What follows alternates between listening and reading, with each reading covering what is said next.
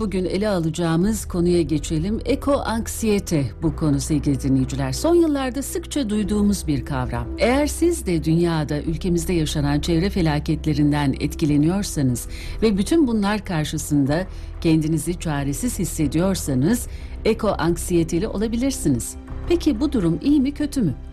Eko anksiyeteli olmak, duyarlı olmak, çözümün bir parçası olmak mı? Nasıl dengede kalacağız? Bunu nasıl başaracağız?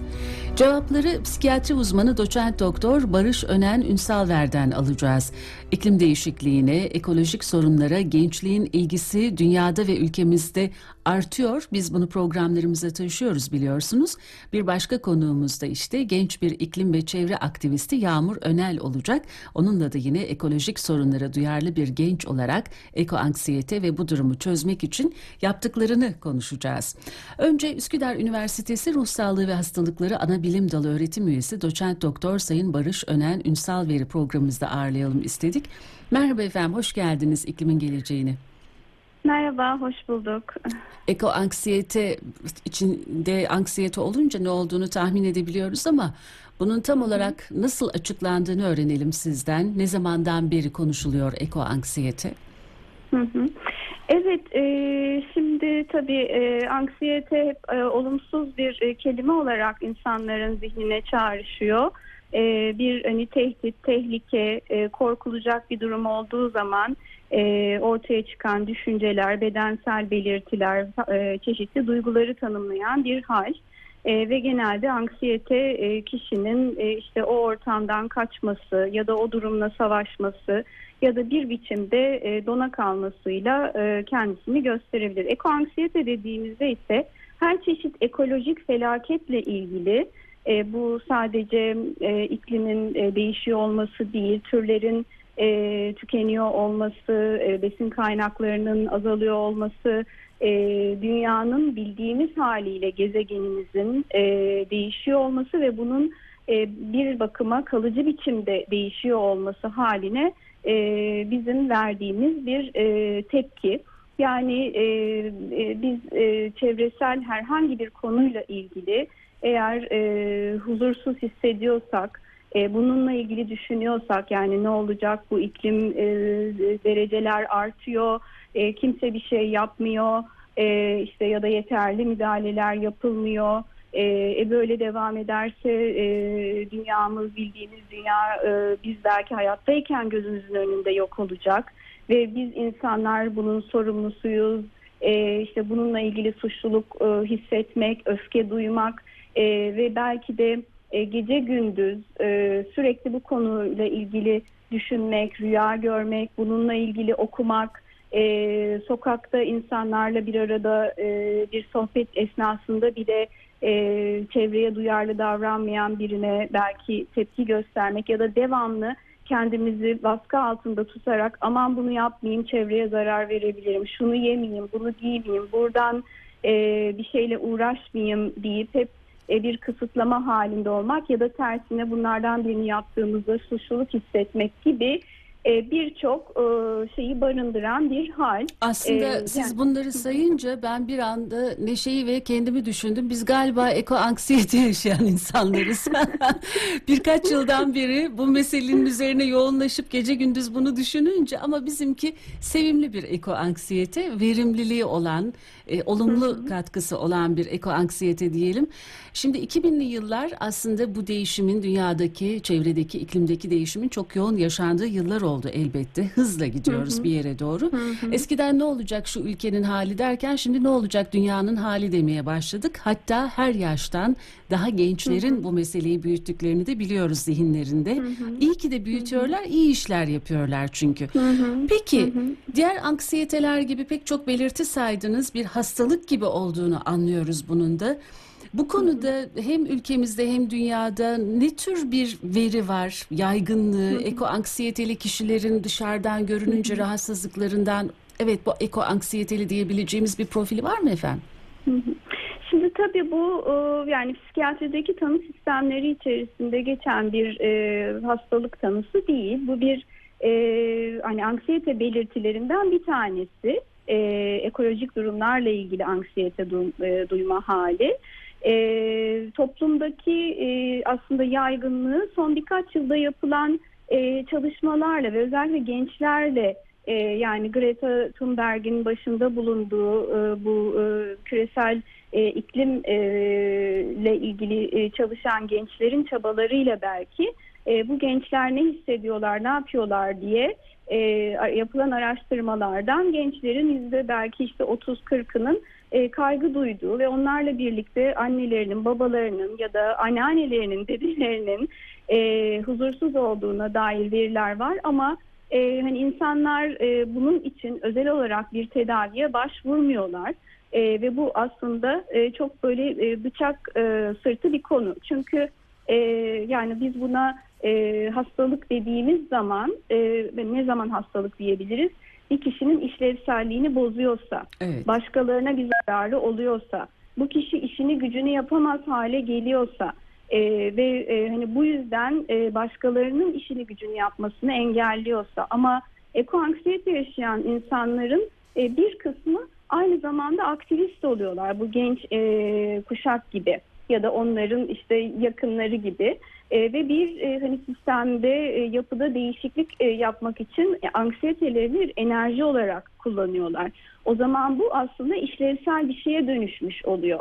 Toplumların, e, yapıların, işte e, çevreye duyarlı bir takım e, o şeylerin işte fabrikaların kurulması, araçların üretilmesi, kapitalizmin bu yönde kendisini güçlendirmesi için bir ivme kazandırmış oluyor. O zaman biz buna tam da bir hastalık e, diyemiyoruz. diyemiyoruz. Evet. Bu, bu bir hani işlevsel bir belirti olmuş oluyor. Yani evet. anksiyete e, sınavdan önce duyulduğunda çok iyi ders e, çalıştırabilen, tabii, e, sağlıkla tabii. ilgili duyduğunuzda kendinize e, bakımınızı sağlayan aslında bir noktaya kadar olumlu bir duygu. Ama olumsuz ve e, yüksek olduğunda bazı kişiler tümden inkara yönelebiliyor.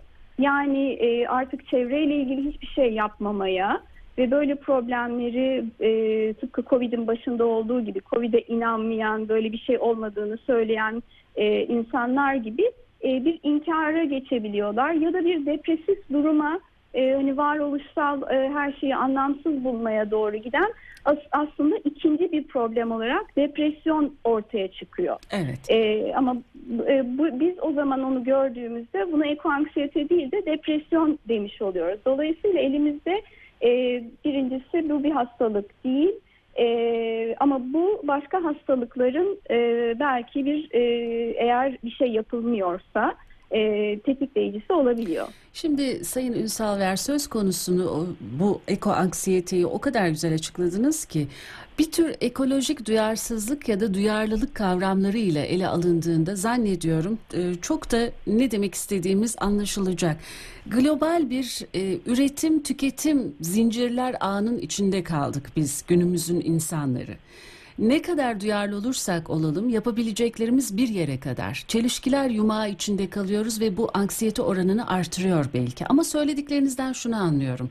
Eko anksiyete yönetilebilir. Güçlü zihinler bunu yönetebilirler.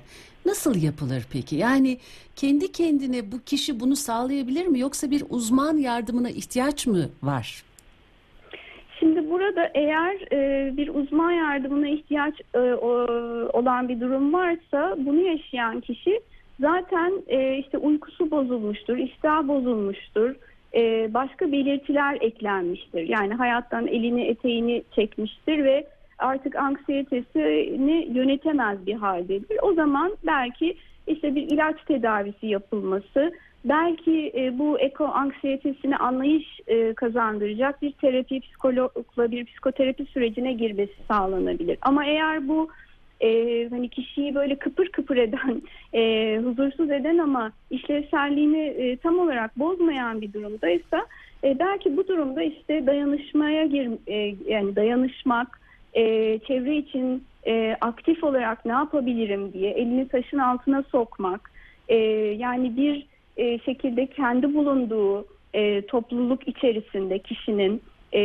yani bütün dünyayı kurtarmayı e, hedeflemeden e, hani klasik Göte'nin sözünde olduğu gibi önce evinin önünü süpürmek gibi. Evet. E, ön- önce bir küçük alanda ne yapabilirim, küçük ölçekte ne yapabilirime odaklanıp daha büyük e, yapılarla işbirliği kurmakla belki bu anksiyete yönetilebilir. Yani ben bu anksiyetenin sönmemesinden e, yanayım. Bu enerjiyi kullanmaktan yanayım. Tıpkı güneş enerjisini e, kullandığımız gibi.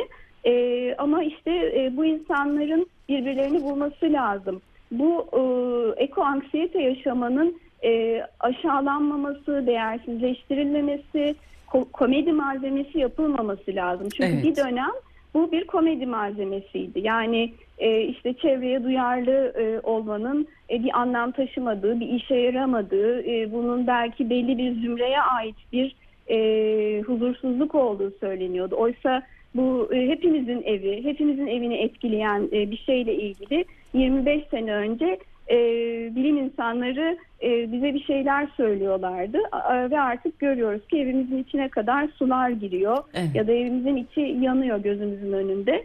O yüzden e, herhalde böyle sizin yaptığınız programlar gibi TRT'de son dönemde bu konuda çok büyük bir çaba var E, ve bütün ülkenin izlediği, dinlediği bir kanalın e, eko anksiyeteden, ekolojik problemlerden konuşuyor olması tek başına zaten toplumun bilinçlenebilmesi ve e, bu konuyla ilgili hassasiyet göstermenin hiç de romantik, e, pastoral bir şey olmadığını fark edip e, dayanışmaları için bir e, güç oluşturacaktır Evet. diye düşünüyorum. Sayın Ünsalver, e, aslında moda akımlar gibi moda konular var. Bütün dünyanın zaman zaman üzerine eğildiği bu moda akımlar ya da moda konular insanların sürekli konuşurken bir taraftan da yabancılaştığı bir kavram haline dönüşebiliyor. Sizin söylediğiniz ise yabancılaşmadan tam olarak meselenin özünü kavrayabilmek. Yani biz biliyoruz ki gezegenimizin gidişinin, kötüye gidişini biz yavaşlatsak da bütünüyle yok edemiyoruz. Çünkü insanlık ve e, içinde yaşadığımız dünya bütünüyle e, bu gezegenin kötüye gidişine attığı adımların büyük bölümünü yok edemiyor. Ama en azından yavaşlatabiliyor. Kayıpları ve yetersizliği kabullenip nelerin üzerine eğilmemiz gerektiğini belki odak noktasını küçülterek çok da bütün dünyayı değil ama en azından söylediğiniz gibi çevremizi düşünerek başlamak çok önemli. Peki şimdi e, çok önemli bir doktor olarak da soruyorum size. Yuvam Dünya Derneği'nin sayfasında yeni bir haber vardı. Kanada'da doktorlar hastalarına doğa yürüyüşü reçeteleri yazabileceklermiş artık ya da yazabiliyorlarmış. Mesela bu tür durumlarda eko anksiyete için bir yöntem onun aslında tam anlamıyla zihnimizi rahatlatmak, doğanın bir parçası olduğumuzu hatırlamak, çevreci etiketlerine hapsolmadan hem de hepimizin bu dünyanın içinde bir parça olarak diğer canlılarla bir zincirin içinde yer aldığımızı hatırlamak anlamında olumlu olabilir mi bu tür reçeteler? Ee, yani tabii gidilecek böyle bir doğa yürüyüşü alanının olması gerekiyor. Ee, Doğru. bu doğa yürüyüşü alanlarının e, Kanada'da var ama bizde var mı diyorsunuz acaba değil mi? Ee, evet yani Kanada'da var ama bizim burada e, yani iki tane saksı çiçeğine sarılmak durumunda kalıyoruz. evet. Ee, ama e, elbette burada belediyelerin yani yerel yönetimlerin, muhtarların e, yapabileceği çok önemli şeyler var. Yani bunun e, yerel bir e, dayanışma olması gerektiğini o yüzden e, söylüyorum. Yani o bölgenin insanı e, kendi alanını e, işte fabrikasıyla ya da işte o bölgesini kirleten neyse e, oradaki ağaçlarına e, başka türlü tü- e, hani türün yok olmasını e, önleyecek ne varsa bunları yaparak e, ve bunun e, bunu yaparken bunun ödüllendirilmesiyle yani bu çevre duyarlı davranışların e, teşvik edilmesi, neyi yapmadıkları değil de insanların yani işte diyelim ki çevreyi kirlettikleri için ceza almak değil de çevreye işte bir ağaç diktiği için o insanın ödüllendirilmesi yani pozitif e, psikolojiden faydalanmak e, da fayda var. Ceza kestiğinizde e, o, o cezalar e, hiçbir şekilde caydırıcı olmuyor. Ama hani buraya şöyle bir e, işte e, biz koru yapacağız, e, bunu yapanların isimlerini oraya koyacağız ya da onların adına şöyle bir şey yapacağız dendiğinde yani buna pozitif e, bir adım bırakmak deniyor ekolojik e, Evet. şeyde e, entelektüel e, bakışta. E, olumsuzu değil yani karbon ayak izini değil sizin ne kadar ayak izi sildiğinizi hep e, öne çıkartan Ne kadar yaklaşımlar, e, o, o tür reçeteler. Ne kadar güzel söylediniz. Karbon ayak izine değil, sizin dünyayı korumak için atacağınız ayak izlerine bakmak, bakmak çok daha önemli. Biraz sonra genç bir konuğumuzla konuşacağız. Yağmur Önerli. Z kuşağı ekolojik sorunlarla çok ilgili biliyorsunuz. Ee, Evet. Onlarla çalışmada yapıyor musunuz? E, birebir ben onlarla e, çalışmıyorum. Belki hani benim e, karşıma e, başka problemlerle geldikleri sırada bunları da paylaşabiliyorlar. Ama ben e, bu ülkemizdeki e, gençleri e, takip ediyorum ve onlarla gurur duyuyorum. Ne güzel. E, hepsi e, hani e, bizim çocuklarımız ve e, hani onlara karşı çok e, mahcup hissettiğim için de e, bireysel olarak e, hani bu konuda e, ne yapabilirim e, diye e, enerji alıyorum. Yani o mahcubiyetimden bu, bu Evet. çocukların anneleri babaları biziz de e, onlar çıkıp bu iş için uğraşmamalı, biz uğraşmalıyız gibi bir e, şey yaratıyor bende Duygu düşünce. yaşatıyor. Evet gerçekten haklısınız. Fakat biliyor musunuz e, sizin ilk soy isminiz Önen, Yağmur'un soy ismi Önel. E, Çok birleşen ortak noktanız var. Şimdi Yağmur'la konuşalım ve size çok teşekkür edelim Sayın Ünsalver. Sağ olun bu bilgileri bizimle Ben de paylaştığınız teşekkür için. ederim. Hoşçakalın. Ee, Yağmur'a da bu yolculuğunda e, coşkulu ve bir yağmur diliyorum. çok güzel bir dilek. Görüşmek üzere. İyi çalışmalar bizden de İyi size. günler. Evet sevgili dinleyiciler 16 yaşında Yağmur Önel ve iklim ve çevre aktivisti olarak rol alıyor. Bugün de programımızda bu nedenle bulunacak. Yağmur kendini şu sözlerle tanıtıyor. Merhaba ben Yağmur. Şu anda 16 yaşındayım ve bir süredir iklim kriziyle ilgileniyorum. Çünkü gezegenimizin yardıma ihtiyacı var. Ben olanları seyretmekle kalmıyorum, kalamıyorum. Çünkü ben de doğanın bir parçasıyım ve onu korumalıyım.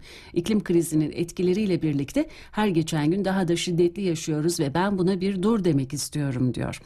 Evet, Üsküdar Üniversitesi Ruh Sağlığı ve Hastalıkları Anabilim Dalı öğretim üyesi doçent doktor Barış Önen Ünsalver'den sonra şimdi sırada Yağmur Önel var.